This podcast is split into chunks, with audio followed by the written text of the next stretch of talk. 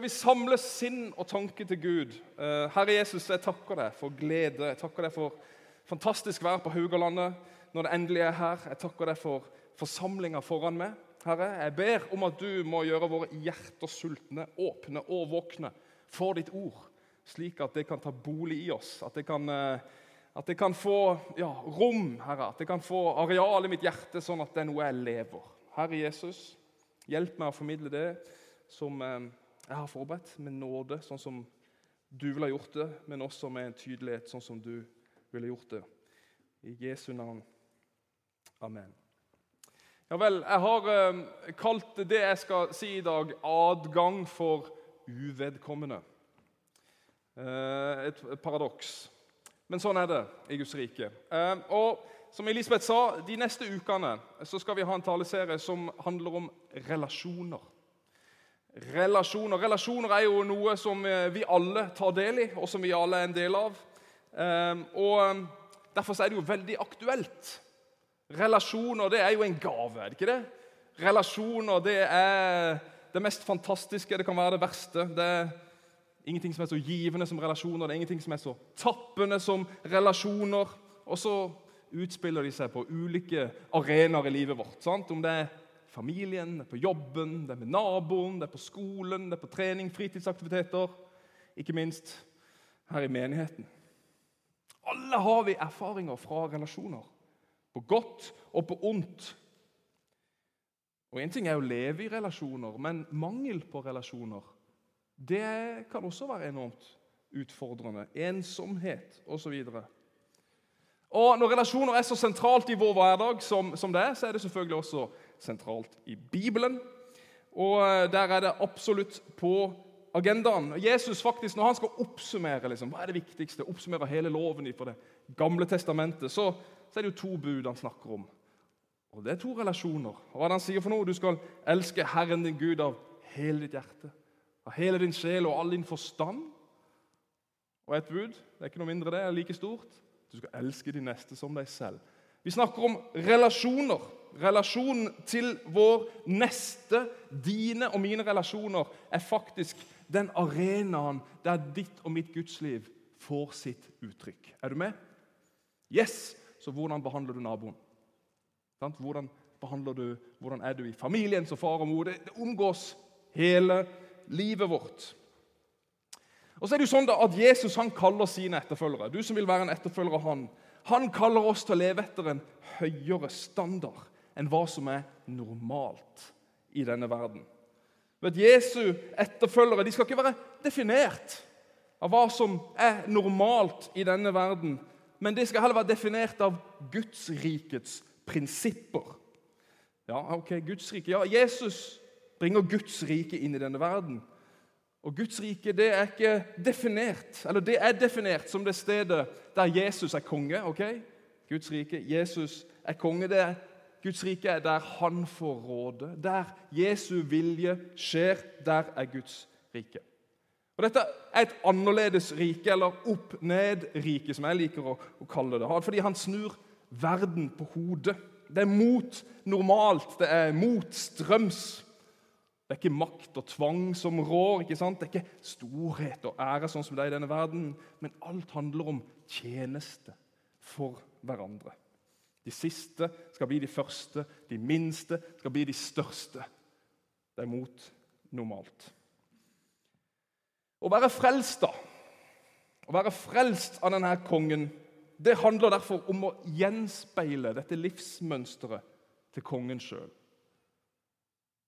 Hørte du hva jeg sa? Å være frelst det er å gjenspeile dette livsmønsteret fra kongen sjøl i dette riket. Han ga sitt liv til oss og vi skal gi denne gaven videre i våre relasjoner ved å følge hans eksempel. Ok? Så tro det er ikke bare en sånn mental greie. Jeg tror at Jesus døde på et kors. Det tror jeg. Det er en livsførsel. Det er å følge etter Jesus. Det er å gjenspeile hans livsmønster. Ved Guds nåde, da, selvfølgelig.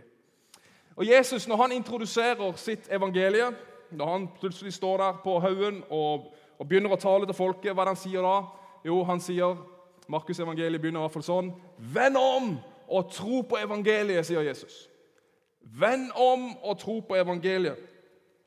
Og De første kristne som ble frelst, de omvendte seg virkelig, bokstavelig talt ifra verdens normal til Jesu moral. I'm a poet, but I didn't know it. Fra verdens normal til Jesu moral. Hvis det går an å si det på den måten. De måtte lære seg en helt annen måte å tenke på. Et ord omvendelse, metanoia, det betyr å tenke annerledes. Det er å snu tankegangen. Sånn var det. De første kristne var veldig bevisst på det. Og så var det jo sånn at Omvendelse det var tydeligvis nødvendig, ifølge Jesus. Omvendelse fordi mennesker var på feil retning. De fulgte ikke veien som leder til liv, til livet i Guds rike. Og det å vende om, det er faktisk et uttrykk for tro. Jo, hvis jeg vender om, hvis jeg velger å tenke annerledes inn i Guds rikes prinsipper, at det skal definere mitt liv, ja vel, da er det tro. Uttrykk for tro og tillit til at Jesu budskap om hans kongerike det er sant. Så omvendelse er sentralt. Og Derfor er Jesu budskap om relasjoner på tvers av, av, av mye av det som vi tenker er normalt. Og Hans radikale undervisning og hans eksempel det tvinger fram en omvendelse jeg tror i alle oss, som vi snart skal se. For Vi har jo en tekst vi skal igjennom i dag. skal ikke ta den opp enda, men Denne teksten, den, eller Lignelsen den handler om en invitasjon til en fest. Det store gjestebudet. Mange av dere kjenner den. I Lukas 14 blant står den. Men i Lukas så står det også veldig mange historier som er knytta til fest, som er knytta til selskaper og måltider. Og Jesus han var en sosial type, uten tvil. Veldig sosial. Og Neste søndag så skal pastor Elisabeth som jeg traff her, hun skal forkynne om måltidet sin plass i våre relasjoner. Og For de dere som kjenner Elisabeth, så er hun en mesterkokk. Så jeg er sikker på at den, den talen der det blir en sånn kulinarisk opplevelse som vi må få med oss. Men eh, ja, sist gang, når sist gang dro jeg en skikkelig fest?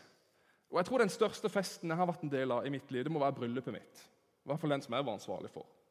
Så Jeg tok med et av, av bildene fra den festen. da. Det er jo en stor dag med bryllup. Og by the way, Irene og Gunnar Lervåg her, de har 40 års bryllupsdag i dag. Irene sitter der. Gunnar vet ikke hvor jeg er. Men en applaus. Gunnar, du er der oppe, du, Gunnar. Ja vel. Ja vel, ja vel. Selv om de sitter veldig separat her i kveld, eller i dag, så er det så er de, jeg vet at det, de er et godt eksempel på et sunt og flott ekteskap. Gratulerer med dagen til dere. Eh, det er vel sånn drøye 18 år siden jeg var gift, gifta meg. da. Men, men, det er en utfordring å arrangere bryllup. Jeg vet ikke om du kan huske det, så er det mange med grått hår her, men det er kanskje mange år siden. Ja, det er noen som ennå ikke har gifta seg her, ser jeg. Ja, nå skal dere få høre. Fordi eh, det å invitere til bryllup det er alltid vanskelig. Hvordan skal gjestelista være? Hvem skal være på gjestelista? Hvem er verdig å komme til mitt bryllup? Og da, i hvert fall Spesielt bruden i hvert fall hos oss er det sånn at det er vanskelig. da. Eh, jeg er litt mer sånn Ja, ja, det går fint. Nei, men å nei, Han må jo komme, hun må komme, det paret må komme. eller å nei, De kommer til å bli så skuffa. Vi kommer jo i deres bryllup. Da bør de komme i vårt bryllup. Å, du verden, det er, en, det, er, det er, hardt arbeid. Er noen som er enig i det? Opp med en hånd. Det er vanskelig. Hvem skal du invitere? Er det noen som er såra over at ikke de har vært i et bryllup? Kom igjen, opp med en hånd. Ingen som er Ja, Elisabeth. Fint. Men ja, vi, vi, er alle en del av dette. Hvem skal komme, hvem er verdig, hvem blir skuffet, hvem er ikke? Hvem inviterer vi? Hvem kommer til å invitere oss tilbake? Ja. Og så kommer man på den ideen. Jeg vet ikke om det er så vanlig nå lenger, men i hvert fall før i tida så var det sånn jo, ok, Noen kommer til middag, og så kommer noen til kaffe. Så da har du liksom førsteklasses venner til middag og andre klasse til kaffe. Det, det løste seg egentlig veldig greit. Eh, så vi har ikke 70-80 gjester. Eh, greit, flott fest. Og så er det jo sånn at etter man har via seg, så tar man bilder, og så kommer man kjørende opp. ikke sant? Og da satt alle ved bordet i den salen vi var i da. Så vi, vi, eh, det var bare min far eller et eller annet som tok oss imot i bilen, og så ble vi liksom geleida inn da en gang til der alle satt. Og Idet vi går inn denne gangen, så, så, så, ser jeg i høyre hjørne der, så står det en, en kamerat som jeg gjenkjenner. og Han står litt sånn litt sånn forvirra. Og så jeg må jo da stoppe opp i, på vei inn med bruden. Liksom, hva, hva skjer, Arild? Eh, jeg finner ikke plassen min. Eh, nei, du gjør ikke det, nei. Eh, det var fordi du var invitert til kaffen. Åh. Så han, det, han hadde trodd han var invitert til hele bryllupet, men han var jo ikke en førsteklasses venn. Han var jo en andreklasses venn. Så, så eh, det ble skikkelig pinlig der. Vi måtte vente, og folk stod og spilte, og pianisten liksom uh, andre-tredje runde på refrenget der før vi Polynesen, eller hva det var, så fikk jeg bare kelnerne og det som var der, de, de rigga ut en ekstra pasta. Så han var jo selvfølgelig hjertelig velkommen, og vi landa det veldig greit. Uh, Jesus han utfordrer alltid de sosiale kodene, det normale, og spesielt de eh, religiøse lederne i Israel på den gangen. De, som, de hadde et sånn åndelig hierarki. De rangerte mennesker i ulike grupper. Og Ikke minst hadde de en sånn skråsikker holdning på at de var liksom de viktigste. De var Israels religiøse voktere, og de var liksom sikra en plass i måltidet en dag oppe i himmelen. Sånn som nattverden faktisk er et bilde på. Et måltid. Masse fest i Guds rike. De var sikre på at der framme en gang så har vi selvfølgelig en plass. De var ekstreme nasjonalister, kan vi kalle det i dag. De venta bare på denne himmelske festen, og at de skulle, de skulle sitte der i glansen av eh, seieren som Messias, som de venta på. Han skulle beseire alle deres fiender osv. Dette var de skråsikre på, at de skulle få sitte ved dette bordet. Og Foranledningen til denne lignelsen vi snart skal lese, så er Jesus på fest hos en fariseer, og så utfordrer han gjestene der. Han ut, han, ja, jeg vet ikke om du hadde likt å ha den på dine fester, men han utfordrer gjestene der. Når han ser at de setter seg ved de beste plassene ved bordet Det ikke så mye i norsk kultur i dag, men den gang så var det sånn at jo nærmere du satt verten, jo mer important og viktig og sosial status, høy status hadde du. Så når han, Jesus ser at folk setter seg og liksom, hm, de tar de beste plassene, så er han jo tydelig, og så begynner han å utfordre dem. Eh, han sier, for tenk om verten i all offentlighet ber deg flytte deg fordi det er en annen med en som kommer inn som har høyere status enn det. Bare beklager, Tybakken, men eh, du må sette deg her nede fordi Hansen han skal sitte der. Så Jesus utfordrer og sier, ikke, ikke gjør det. Det er jo veldig pinlig. Så det du bør gjøre, er at du blir siktet mye lavere. Du bør sette deg nederst ved bordet. For hvis da verten tilfeldigvis syns at du er viktigere enn Hansen, så sier han Tybakken, du må jo sette deg her oppe. Vær så god. Og det er jo en helt annen greie. Da blir du hedret. Og så er det sånn uh, Guds rike nøkkel. Han sier, for den som setter seg selv høyt, skal settes lavt. Og den som setter seg selv lavt, skal settes høyt. Hmm, veldig viktig. Han utfordrer ikke bare gjestene, han utfordrer også fariseeren, som har invitert, og som er kveldens vert. Og så utfordrer han de på utfordrer verten på hvorfor har du bare invitert dine beste venner og de eh, med høy status osv. Eh, og så sier han til ham at når du skal holde selskap her, fariseer, så ikke inviter disse som kan gjengjelde deg for vennskapet, men inviter fattige, vannføre, lamme og blinde, sier Jesus. Først da blir du lykkelig, fordi ingen kan gjøre noe deg igjen. Hm. Dette var jo fullstendig altså det, Noen ganger må man virkelig jobbe for å sette seg inn i konteksten av disse tekstene. Men for en fariseer, høyverdig, stolt fariseer, så er bare det en absurd tanke. Helt utenkelig å skulle fylle huset med slike folk på en fest. For hvem med hans status vil identifisere seg med? For det var det man gjorde når man, de man spiser med, de identifiserer jeg meg med. Hvem ville identifisere seg med byens søppel. Det vil jo ødelegge hans status fullstendig. Det er helt sant. Og Sannsynligvis i, litt sånn i sjokk i dette her selskapet, hvor Jesus bare bo, bo, bo, skyter. Og Kanskje er det sånn pinlig stillhet her. liksom. Hva, hva, skal vi si til dette? Så er det da en av gjestene som utbryter, nærmest i en sånn skål, kan jeg se for meg. Liksom, ja, Uansett hva denne raringen Jesus måtte si, vi er innafor. Og så sier han, 'Salig er de som får sitte ved bordet i Guds rike'. Og Mest sannsynlig provosert av denne skråsikre holdningen til jødene. Så kommer denne lignelsen, som vi skal lese sammen her. Og Jesus sa det var en mann som ville holde et stort gjestebud, og han innbød mange. Da tiden for gjestebudet kom, sendte han sin tjener av sted for å si til de innbudte, 'Kom, nå er alt ferdig.' Men de begynte å unnskylde seg, den ene etter den andre. En sa «Åh, nei, 'Jeg har kjøpt et jordstykke, jeg må ut og se på det.' 'Vær så vennlig, ha meg unnskyldt.' En annen sa ah, 'Du, jeg har kjøpt fem eh, par okser og skal ut og prøve dem.' Så vær så vennlig, ha meg unnskyldt. Og den tredje sa 'Jeg har nettopp gifta meg, så jeg kan ikke komme.' Ja, tjeneren kom tilbake og fortalte dette. Da ble hans herre harm og sa til ham, gå straks ut på byens gater og streder, og hent inn de fattige og vannføre og blinde og lamme. Og snart kunne tjeneren melde, Herre, det er gjort som du sa, men det er ennå plass. Da sa Herren til tjeneren, gå ut på veiene og stiene og nød folk til å komme inn, så mitt hus kan bli fullt. For det sier jeg dere, ingen av dem som var innbudt, skal få være med i mitt gjestebud. Klassisk lignelse fra Jesus, med ulike lag av uh, mening. Og uh, vi, vi, tar ikke alt i dag, men vi tar noe. For Hva er det som skjer her? Jo, inviterer til fest med så mange og så flott. Det er mest sannsynlig en veldig veldig rik og en veldig veldig sjenerøs mann. Vi kan jo tenke oss hvem det er. Eh, og ikke minst veldig spesielt at han inviterer så mange og så bredt og så vidt etter hvert. Fordi du identifiserer deg jo nettopp med de du spiser med. ikke sant? Og så har du alle disse absurde unnskyldningene. da, For de er virkelig absurde. Altså Hvis du har kjøpt en eiendom, så har du jo sett den. Har du kjøpt noen okser, så har du antageligvis vært der og tatt på dem og kjent på muskulaturen og sagt OK. Um, så det er absurde. Uh, de har til felles i hvert fall at de, de, um, de avviser uh, denne um, invitasjonen. Og i en sånn gjestfrihetskultur som det var på den tida, som er Israel, så så var det en skam. Du sa bare ikke nei hvis du ble invitert på en fest på den måten. Og så da det helt utrolige og mot all fornuft stikk ned i byen. liksom. Hent folk fra rennesteinen. De som aldri blir invitert av noen. Inviter de på min fest. For de vil jeg identifisere meg med. Pakk de ut av papphus og svinestier og inviter de hjem til meg. Wow.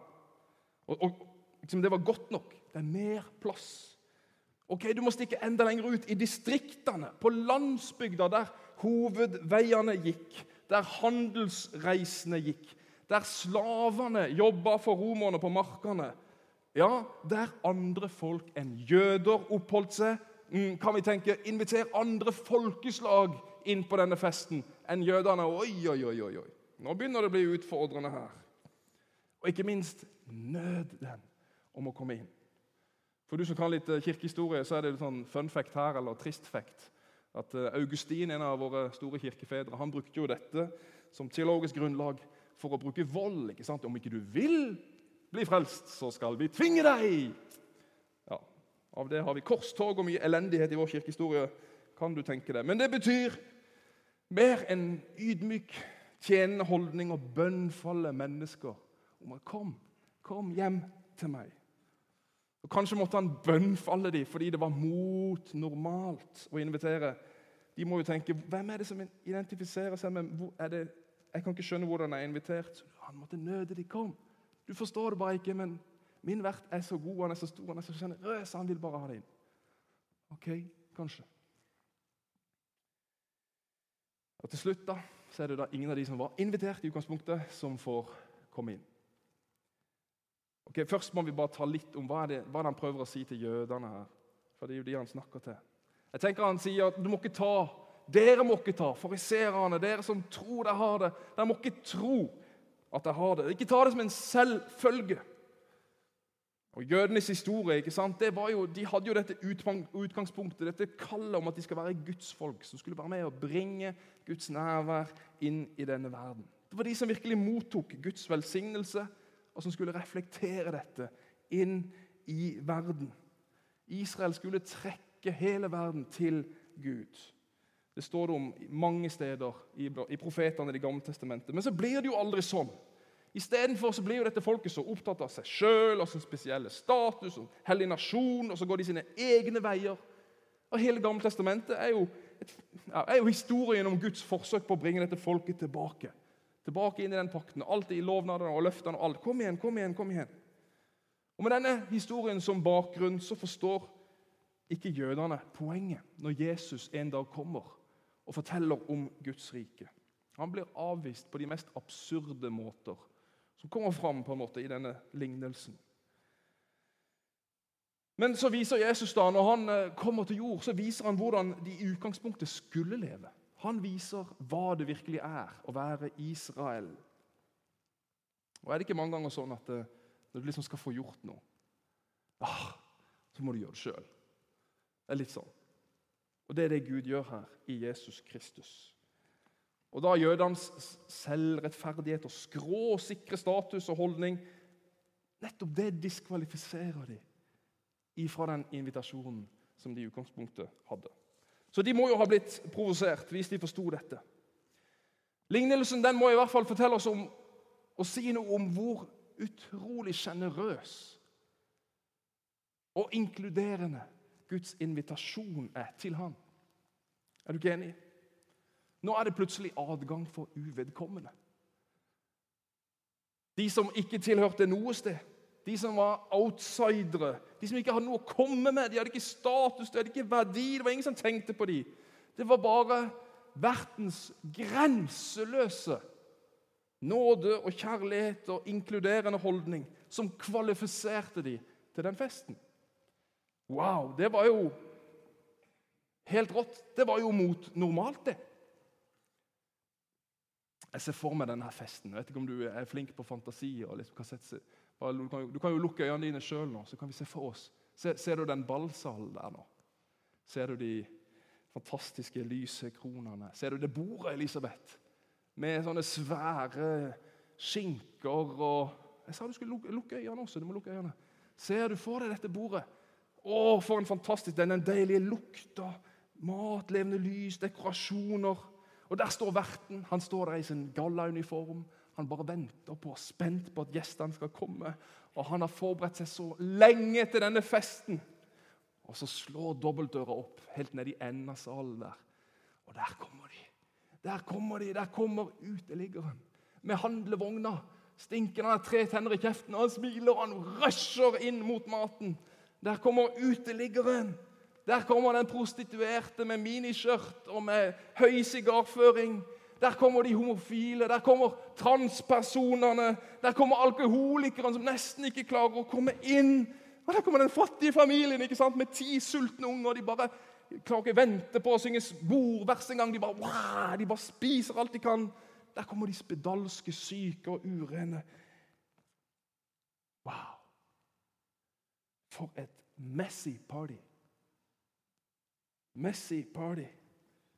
Det var kun verdens sjenerøse kjærlighet og godhet som gjorde at han ville åpne dørene og dele av sine enorme ressurser. Vi kan høre ekkoet fra Jesaja 55. Hør alle som tørster. Hør alle som tørster, kom hit og få vann. Kom dere som ikke har penger, kjøp korn så dere kan spise. Ja, kom og kjøp uten penger, uten betaling, vin og melk. Dette hjertet kommer fram innimellom i Det gamle testamentet. Og Jesus viser oss hvor grenseløs invitasjonen til Guds rike er. Jødene forsto det ikke. Jesus går forbi, og så identifiserer han seg med outsiderne, de lidende, de som blir sett ned på, de som ikke passer inn, de som er utstøtt. Det levende beviset på dette er jo at Jesus dør som en kriminell. En som var utafor. På korset. Guds rike det er så mot normalt. Og Så er spørsmålet, da Ville Jesus ha fortalt denne lignelsen til oss i dag? Angår denne lignelsen oss? Nå snakker jeg til menigheten, da. Som Israels, som Guds utvalgte folk, så, så bringes denne videre til oss, til menigheten. Menigheten skal jo gjøre det samme i dag. Og bringe denne invitasjonen videre. Men gjør vi det? Gjør vi noe bedre jobb enn fariserene på den tida? Som ble så opptatt av sitt eget og sin egen status. Så hvordan er vår relasjon til mennesker rundt oss? Føler mennesker seg invitert? Til denne festen rundt oss. Jeg syns det er rart hvor å snakke fra eget liv, hvor, hvor lik jeg blir på den fariseeren i teksten. Tross Jesus sterke advarsler så er vi fortsatt prega av denne innafor-utafor-tanken. Vi som liksom har forstått hva det handler om. Vi som fint klarer å holde oss til normalen. Vi som klarer å holde oss på teppet vi som liksom håndterer livet, vi er jo innafor.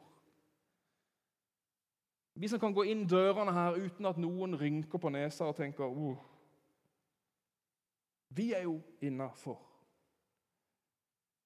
Det er ikke sikkert vi snakker så mye om det, men kanskje vi tenker det på den måten. Og Det er jo først og fremst handlingene våre som sier hvem vi er.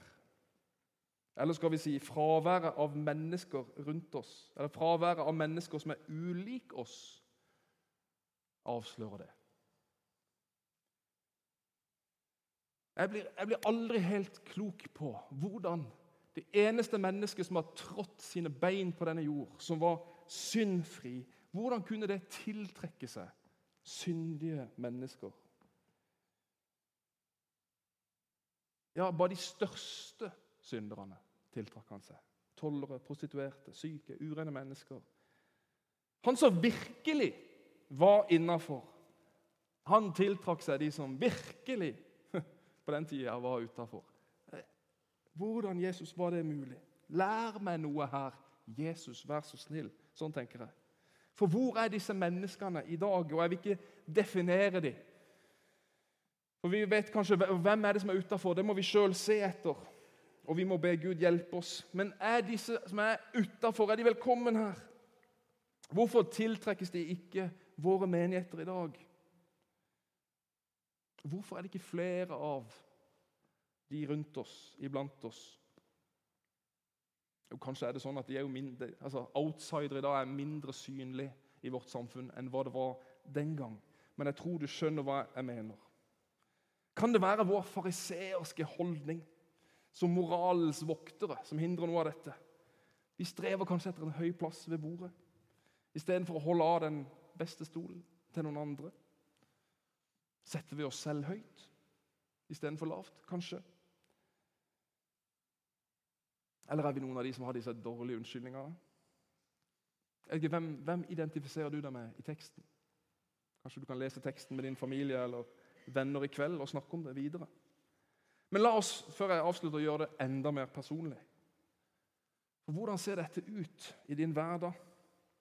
Det er jo tross alt relasjonene vi snakker om her. Mine og dine. Det er ikke bare sånn på menighetsnivå og som liksom strate, strate, strategier som vi må jobbe med i styret. For det er noe interessant med vår menneskelige natur som gjør at vi automatisk føler oss mest komfortable og trygge rundt mennesker som er helt like oss. Er du med? Vi søker hele tiden etter de som er lik oss. Relasjonene våre. sant? Det er som regel med de som ser ut som oss, som snakker som oss, som har det samme språket som oss, som har samme kulturen som oss, som tenker som oss, som har samme religion som oss, ja, som har samme sosialøkonomiske status osv. Og Vennskap har jo sitt utgangspunkt i likhet. Som regel så er det sånn. Våre venner det er de menneskene vi er mest komfortable med. Det er de vi eh, forstår oss lettest med og på. Og Ikke minst vil vennskap ofte være definert av en form for gjengjeldelse. Det godt vennen din gjør med deg, det returnerer du som regel på en eller annen måte. Og Det er jo basisen for vennskap. Hvis den, hvis den uh, gjengjeldelsen på en måte slutter, så ah, jeg vet ikke om det er de beste vennene likevel.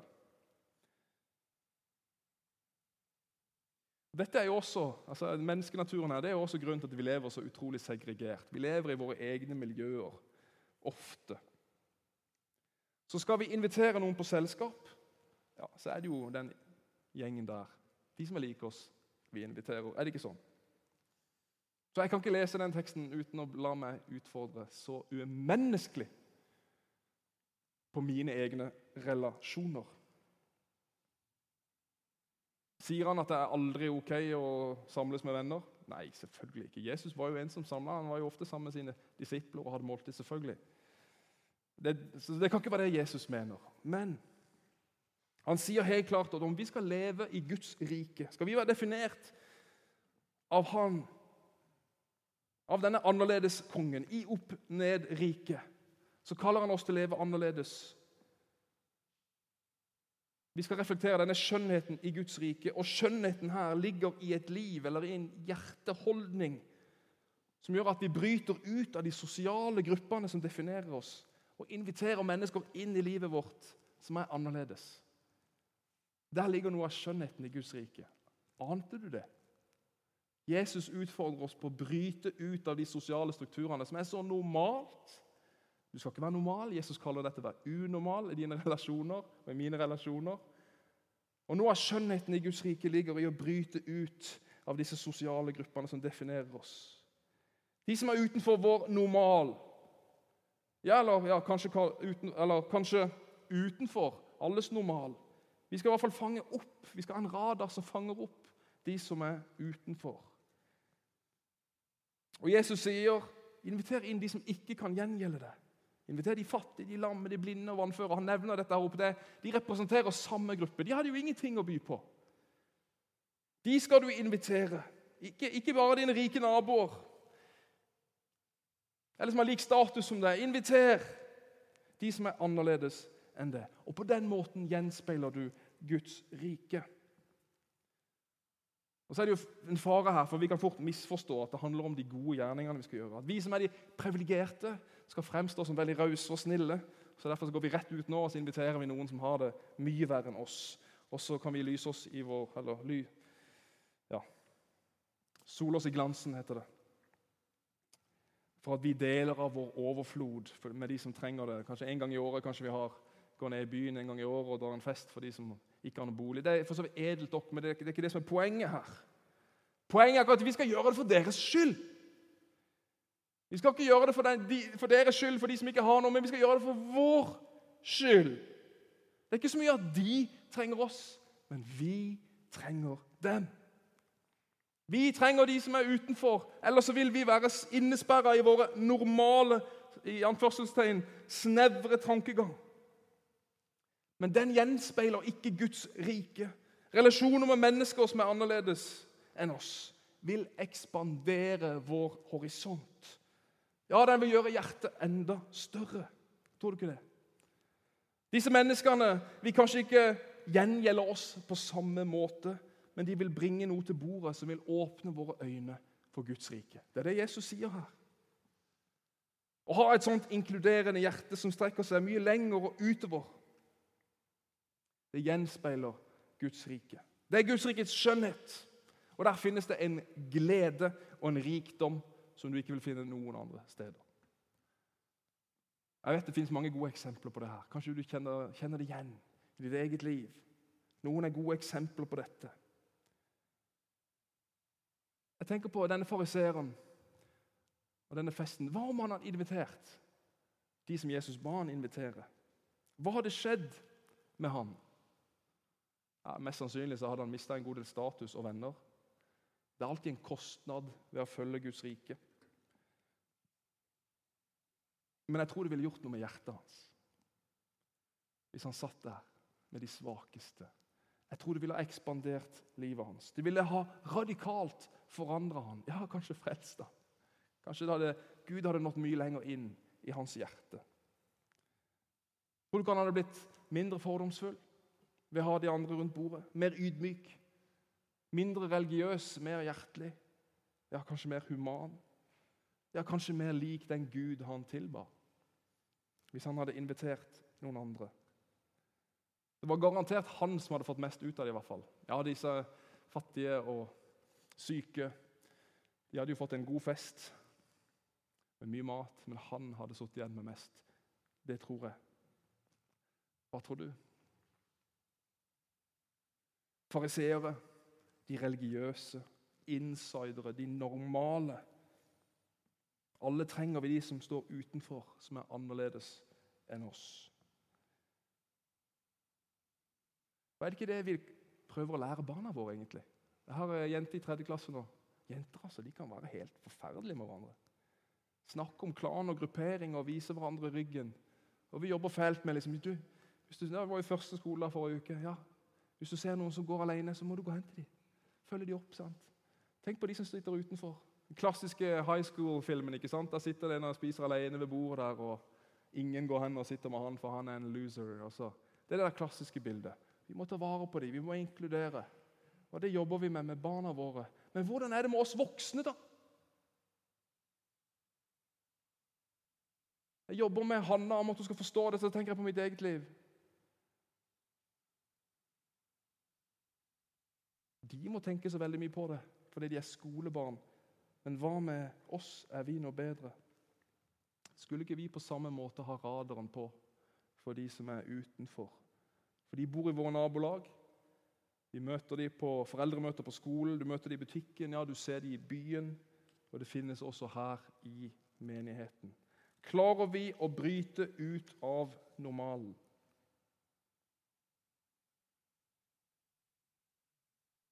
Jeg satt i bilen min en sen kveld og knota sikkert på Facebook. eller et eller annet. Det er noen av oss som eh, venter med å gå inn døra, så vi kan sitte og slappe litt av på sosiale medier. Jeg må bare innrømme det. Jeg eh, sitter i min egen verden, og så plutselig så dunker det på ruta.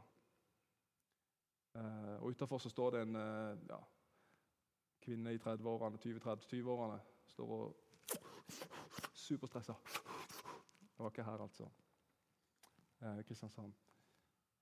Og jeg ruller ned vinduet og liksom Å, hei. Ja, du, eh, jeg bare lurer på, Er det, er dere som har sånn huskirke eller sånn eh, gruppe, kristen gruppe et eller annet i stua? liksom? Ja. Ja, nei, du skjønner det at jeg, jeg tror jeg har møtt Jesus, og jeg, jeg, jeg kunne, kunne, jeg vært med i det fellesskapet. eller? Så er det nabo da, som har hørt at vi hadde sånne kristent fellesskap i hjemmet en gang i uka. Kan jeg få bli med? og representerte eh, ja, en familie som var veldig annerledes enn oss. Mannen var ikke frelst. Og eh, ja, med masse utfordringer.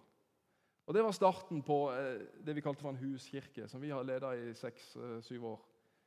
Som ble full av folk som vi aldri ellers hadde blitt venner med. Og det var en kamp, altså. Det var slitsomt noen ganger. Det var ikke lett å få dynamikk. I hvert fall ikke i starten. Det var så mye forskjellige folk at uh, det var vanskelig.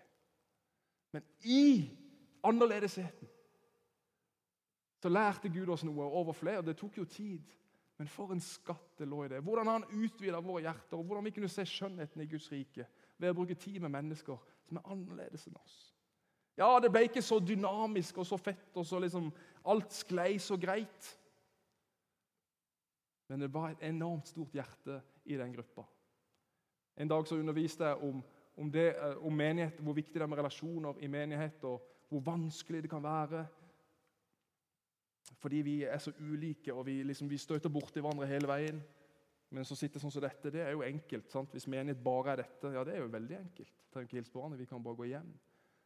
Men hvordan Guds rike og menigheten, det handler om relasjoner. og Hvor vanskelig det var. Så utbryt hun ene, hun som hadde sto og røykte den dagen, som virkelig har gått gjennom en forandring over noen år. Hun sa ja, men Fredrik, ja, det er vanskelig, men det har vært så mye mer kjærlighet.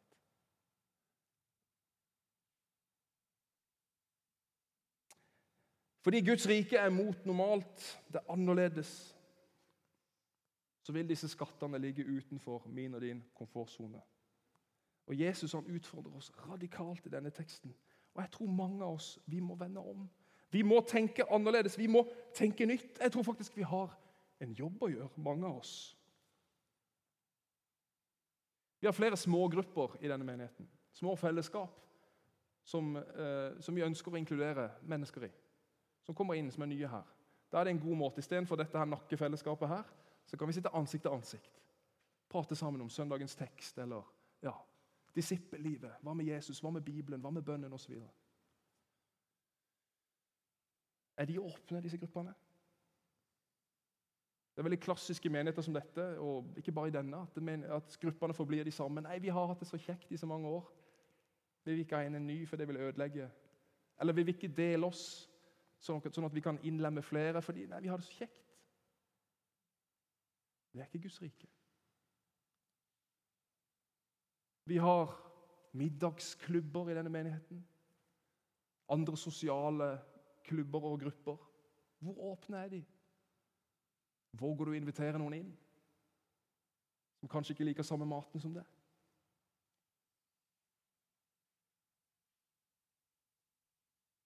Jesus utfordrer oss på å løfte blikket her, sette på radaren utenfor vår komfortsone.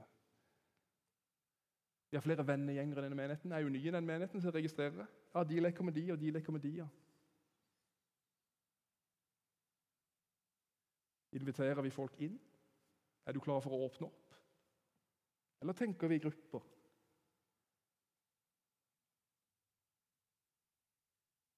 Guds rikets prinsipper for relasjoner, det må vi begynne å tenke på. Det må vi begynne å jobbe med. Nå utfordrer jeg menigheten veldig her. Jeg har lyst til å adressere én ting også til slutt. Og det er jo det at I menighet som dette så er det jo også lett å gå med forventninger om gjengjeldelse av goder. Og Det kan stresse oss, altså. Ja, Nå ble vi invitert forrige søndag på middag til de. Åh, nå må vi finne en søndag de kan komme til oss. Og så blir det et sånt krav. For vi skal gjengjenne alt hele veien. Et stress. Det er ikke Guds rike. Vi skal kunne slappe av med det. Vi skal kunne invitere uten å forvente noe igjen. Og Vi skal kunne gå fra besøk og si 'tusen takk' uten å kjenne på at å, nå må vi gjengjelde det. Selvfølgelig, Hvis vi vil ha dypere vennskap, så er det helt normalt. det er ikke det, Men det må ikke være en tvang, det må ikke være sånn, noe som binder oss, for det er ikke Guds rike. Vi må være fri fra det. Og burde vi ikke skylde og støtte hverandre i å søke utover? At ikke det handler så mye om det. handler også om ja, men ikke så mye om å bare invitere hverandre. Men hva med å utfordre til å invitere naboen, kollegaen, de som ikke tror på Jesus, og som ikke er en del av et menighetsfellesskap? De vi ønsker så inderlig. Vi ønsker å nøde de inn. Kom! Der må tro på Jesus. Det er så fantastisk. Hva hvis det var det fokuset vi hadde? Utover. Istedenfor å forvente gjengjeldelse av vennskap internt. Jesus utfordrer oss til å leve annerledes. Mot normalt. Så er spørsmålet er vi villige. Våger vi å tro Han og vende om i tillit til at der ligger en skjønnhet? Våger du? Amen. Skal vi be en bønn sammen? Jesus, du You rock the boat. Er det mulig? Herre Jesus, dette er utfordrende for oss. Herre, vi lever mest og trives best i komfortsonen. Vi trives best med de nærmeste og kjæreste vennene vi har. Det er sånn vi er som mennesker. Men så vil vi òg, Herre. Vi vil også følge deg, Herre. Vi vil tro deg. Vi vil òg hmm, finne denne skjønnheten, dette livet, som du mener vi skal følge. Og Nå ber jeg for hver og en av oss som sitter på ja, sikkert mange utfordringer. Vi ser for oss ting, Herre. Jeg ber om din store nåde inn i dette. Men ikke så mye nåde at vi går hjem i dag og tenker ja, ja. Det er ikke så farlig. Men nåde til å ta tak i det og til å begynne en vandring inn i nye og spennende relasjoner. Herre, vi ønsker å se mange mennesker komme til. Vår menighet, våre liv. Og Derfor så be en bønn sammen med meg nå. Du kan be han inni deg. Jesus, led meg. Led meg inn i noen nye relasjoner som er utenfor det som er normalt. Jeg vil legge ned mine egne behov, og så vil jeg bli leda inn i nye relasjoner. Jesus, det vil jeg. Count me in.